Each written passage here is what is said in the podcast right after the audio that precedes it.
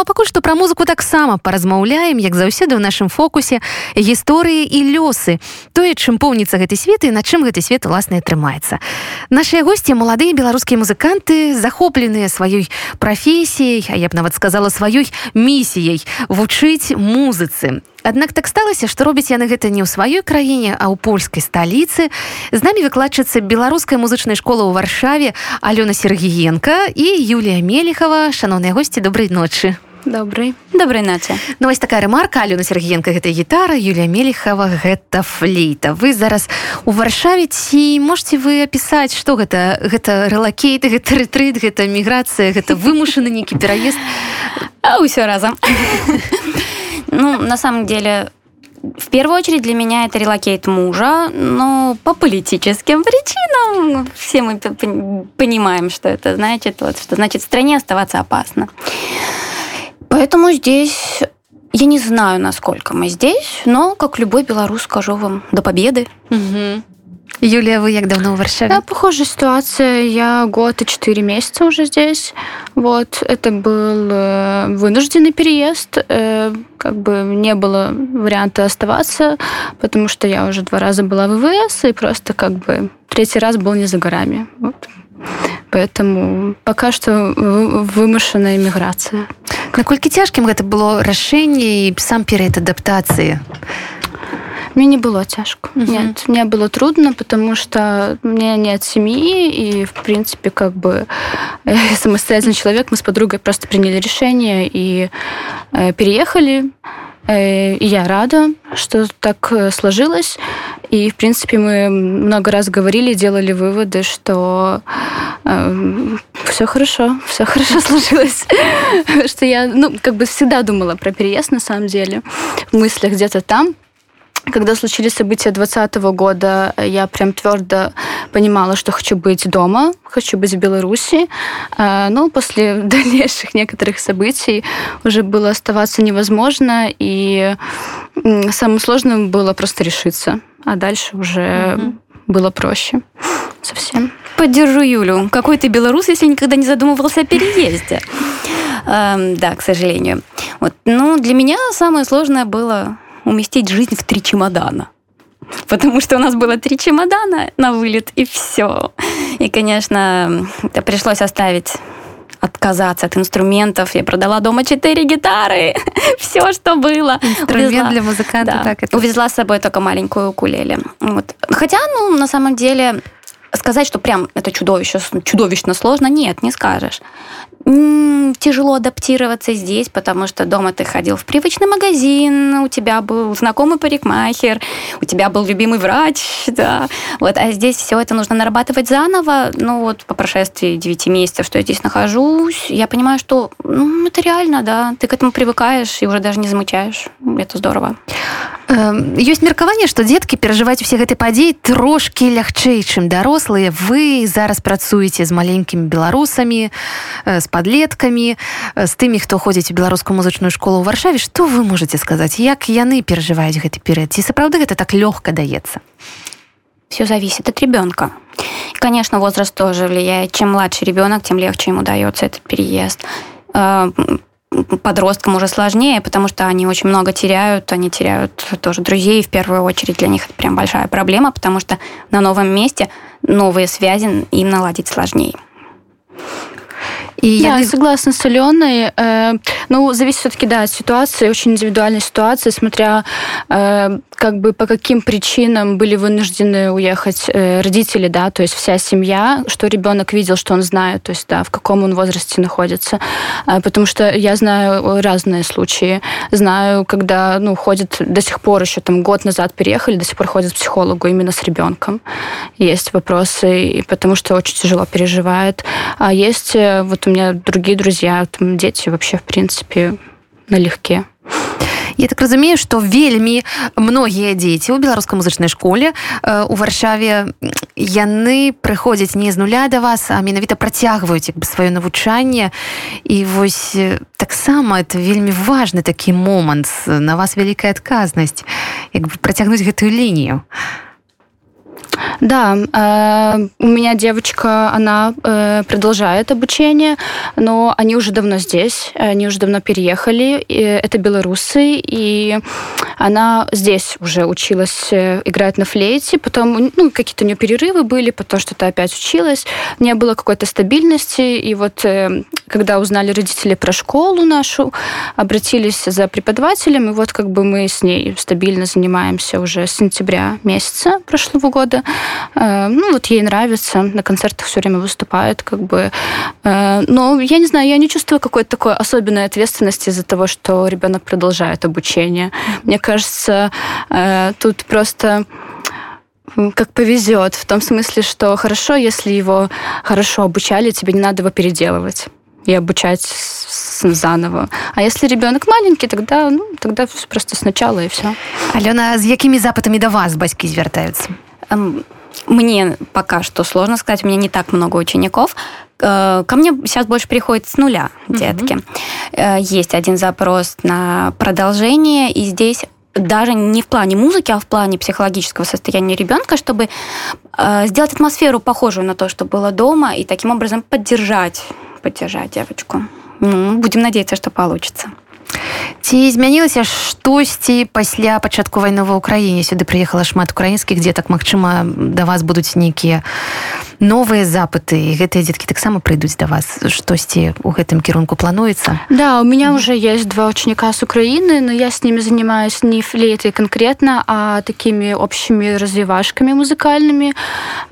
И вот как бы один ребенок у меня появился еще до э, начала этих событий. Они уже давно здесь живут а другая девочка вот которая вместе с ним сейчас ходит э, это их двоюродная сестра и как раз вот они переехали в связи с этими событиями вот. И она пришла сначала на пробный урок, ей понравилось, она тоже начала ходить.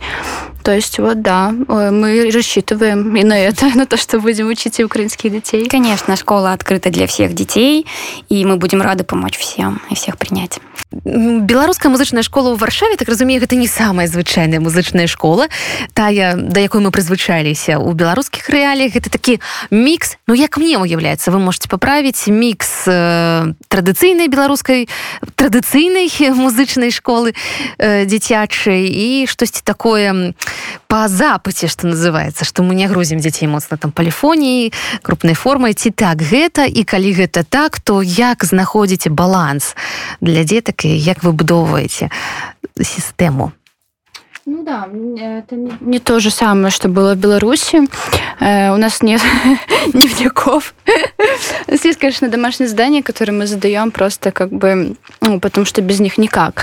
Вот. А нет каких-то методики, то есть это все из головы, это все... В этом участвует ребенок непосредственно, то есть у меня ребенок уже в таком осознанном возрасте подростковом, и как бы я прислушиваюсь к ней, что она хочет играть, и мы еще исходим из того, э, что мы планируем, какой у нас концерт, да, чему он будет приурочен.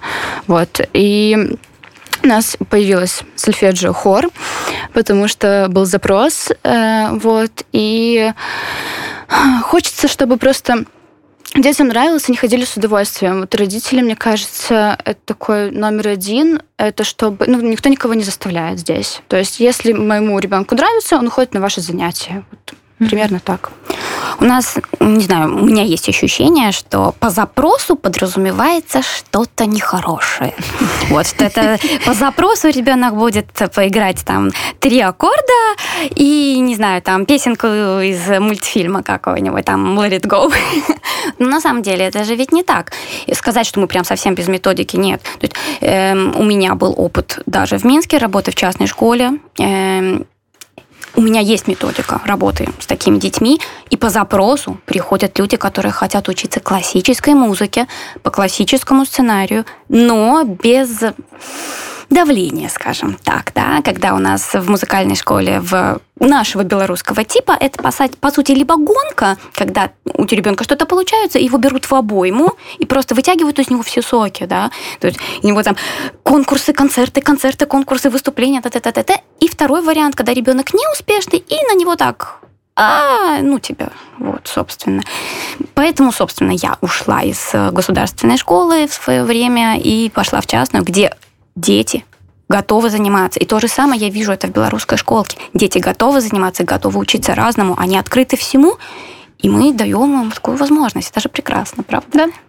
Вось пра баланс паразмаўлялі у цяперашніх варунках А ці магчыма было знайсці нейкі баланс вось падчас сваёй працы ў беларусі што я маю на увазе вось падавалася б што прастора дзіцячых музычных школаў яна вольная ад ідэалогіі і такім чынам можна было б працаваць не зважаючы на тыя абставіны і на ўсё тое што адбывалася ў беларусі ад 2020 года але ці так гэта? А, я много об этом думала анализировала, и мне кажется, вот сейчас, когда я вспоминаю а, свою гимназию музыкальную, а, она необычна тем, что там дети в одну смену ходят заниматься музыкой или танцами, в зависимости от того, в каком классе они учатся, а во вторую смену ходят на общеобразовательные предметы, ну, либо наоборот, то есть как бы все в одной школе.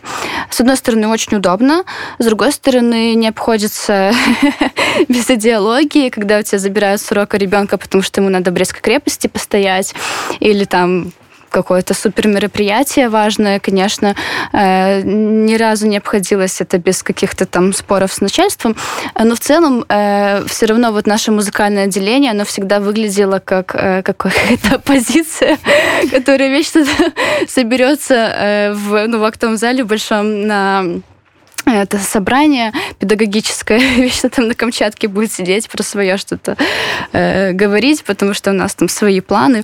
В общем-то, нам всегда было не до вот этого всего. Но не без этого, конечно, особенно э, после событий 2020 года, августа конкретно, когда э, ну, нам прямым текстом говорили, что не ходите, не говорите, э, с детьми так вообще, ну, как бы все у нас хорошо, все у нас прекрасно, не паникуйте, э, работайте, вот работайте работаете и работаете. Вы хорошо тут устроились, у вас вообще нечего вам жаловаться, все у вас прекрасно. Вот. И как-то дети, у меня такие хорошие дети были, это вот не удавалось так, чтобы они сами приходили, спрашивали, интересовались, все там чуть ли не в Инстаграме подписаны, все смотрят, а что там такое, что там всякое. Я так пыталась очень аккуратно с этого всего выруливать. А что в Инстаграме было у наставницы? А, у меня все было на странице. И марши, и, и марши, и флаги. Было э, все, как бы я... Ну, тогда это не было, как вот сейчас, э, ну, выставить фотографию, это героизм у нас в Беларуси сейчас. Те, кто живут реально, ну, как бы даже комментарии Мы просто знаем, что после этого бывает. Тогда мы не знали, что после этого может быть. Тогда все, кто ходили, они всем этим гордились и выставляли это, и мы не думали, как сейчас, что вот надо там срочно страницы все закрывать, паролить и так далее. А тогда, конечно, мы так не думали, и дети, они ведь очень любознательные. И родители многие, с кем я ну, в таких более близких отношениях, э, в дружеских каких-то, тоже спрашивали, интересовались по-дружески. Э, э, вообще, первый раз, когда в ВВС попала, или это что было, неважно. Там э, наш музыкальное наше отделение, там чуть ли не собралось мне какую-то там передачку собирать или еще что. Вот. И все это как-то поддерживали. Э, и казалось, что вот оно, вот щелчок случился.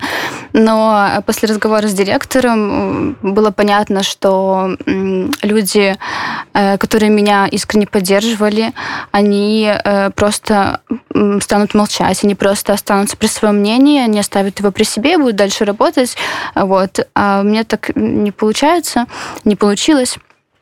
Поэтому пришлось принимать какое-то решение. Вот, к сожалению, э, я оказалась права, и, в принципе, все учителя, что у нас работали, они все остались. Все.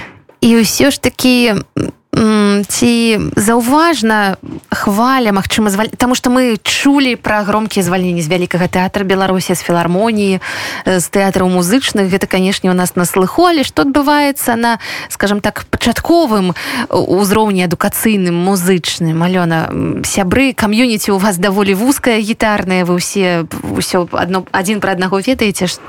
Што змянілася з двадцатого года? Ну, даже до двадцатого года і особенно по после августа 20-го, эм, при самом либеральном директоре ты в какой-то момент слышал, э, ну вы же понимаете, И каждый решал по-своему. То есть у кого-то там вот классическое белорусское дети, кредиты, а кому я еще нужен, а куда еще пойду учиться. И эти люди подстраиваются. Были люди, для которых э, сделка с совестью не удалась. И таких людей увольняли, даже с директорских э, позиций увольняли. Кто-то тихо увольнялся сам и уезжал. Это очень грустно, но комьюнити наша молчала. И чем больше было репрессий, тем тише все это происходило. Сейчас эм, в школах осталось много людей старшего возраста, которым есть что терять и страшно меняться. Молодежь почти вся уехала. Вот э, большой кусок нашей гитарного, нашей гитарной молодежи, он уехал еще после 11 года, после 15 года. Очень многие, к сожалению, уехали. У нас прям такой большой провал, когда у нас вот, э, поколение младше меня выпускавшегося, там, когда из э, там по 4 человека на курсе было, из всех них, допустим, там за 5 лет 20 человек, 2 человека осталось в Минске, ну, там, по стране. Остальные просто их нет в стране. Они уехали. Тихо, мирно, спокойно. Их нет. Польша, Чехия, Германия, Австрия, Лихтенштейн, еще где-то. В общем, много наших. Америка. Вот. Чудесные наши гитаристы, которые уехали. И, собственно, не знаю, сейчас, наверное, в стране нет запроса на это все. Ну, ну, будет меньше людей в школах музыкальных работать. Наверное, нынешние люди, которые являются государством, считают государством, они ничего от этого не теряют. Это грустно, очень грустно. А дарэчы вось прыгадалі трошки пра дзяцей што яны цікавіліся што яны заўважалі. Сапраўды як яны рэагавалі? Бо падзеі э, такі распачаліся ў жніўні а верасень это быў размах і маршаў гэтых шматтысячных дзе былі сотні тысяч людзей. Як дзеткі ці абмяркоўвалі з вами алёна штосьці? Як яны? Приносили рисунки с белокрасными белыми флагами. Вот. На подъеме очень многие были особенно вот у кого родители были тоже радостные, такие с надеждой на перемены. Эти детки были тоже на подъеме эмоциональном, тоже было хорошо. Вот когда уже пошли репрессии, то, конечно, стало тяжелее всем. Эм, даже дети, которых родители старались не информировать, насколько возможно, все равно чувствовали. То есть вот это наше белорусское, когда ты выезжаешь за границу, с тебя словно мешок пыльный сняли, а внутри ты в этом мешке. Ты можешь не читать о политике, ты можешь не говорить о политике, но ты чувствуешь общую атмосферу гнетущую. И, к сожалению, дети это чувствуют даже сильнее, чем взрослые. Ці зразумелі вы штосьці новае за апошнія пару гадоў пра сябе і пра сваю прафесію, пра свой занятак, то чым займаетесь?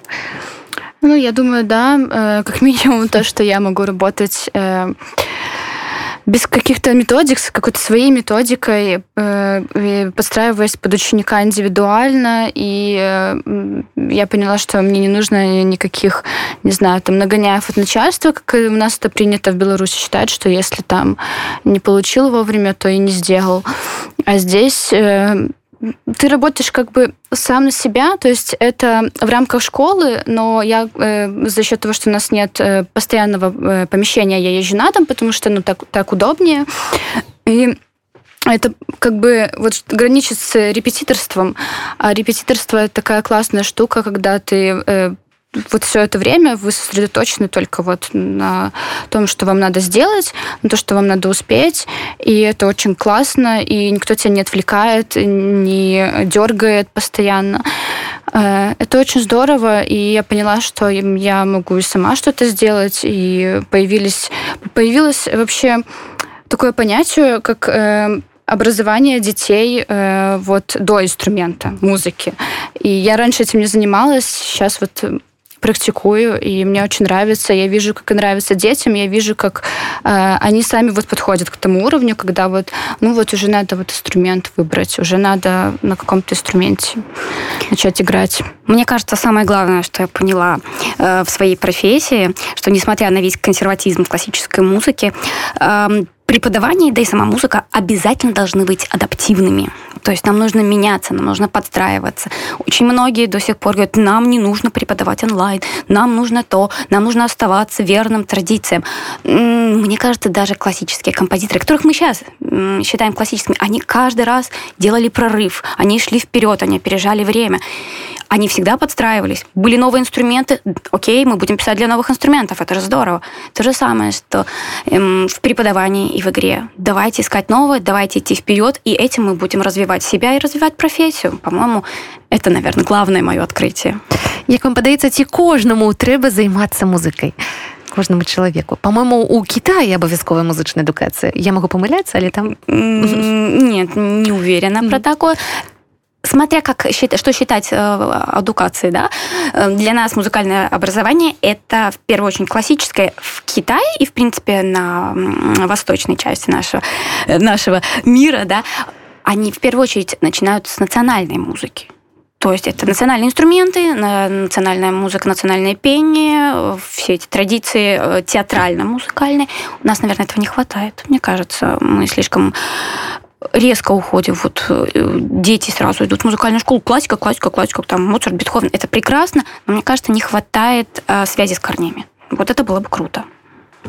Да, согласна. И ну, буквально здесь мы узнали, что есть, э, будет от, открываться э, школа э, белорусской дуды, потому что у нас здесь есть музыканты, собственно, которые хотят открыть школу по этому инструменту. Это наши народные инструменты. Я об этом не знала.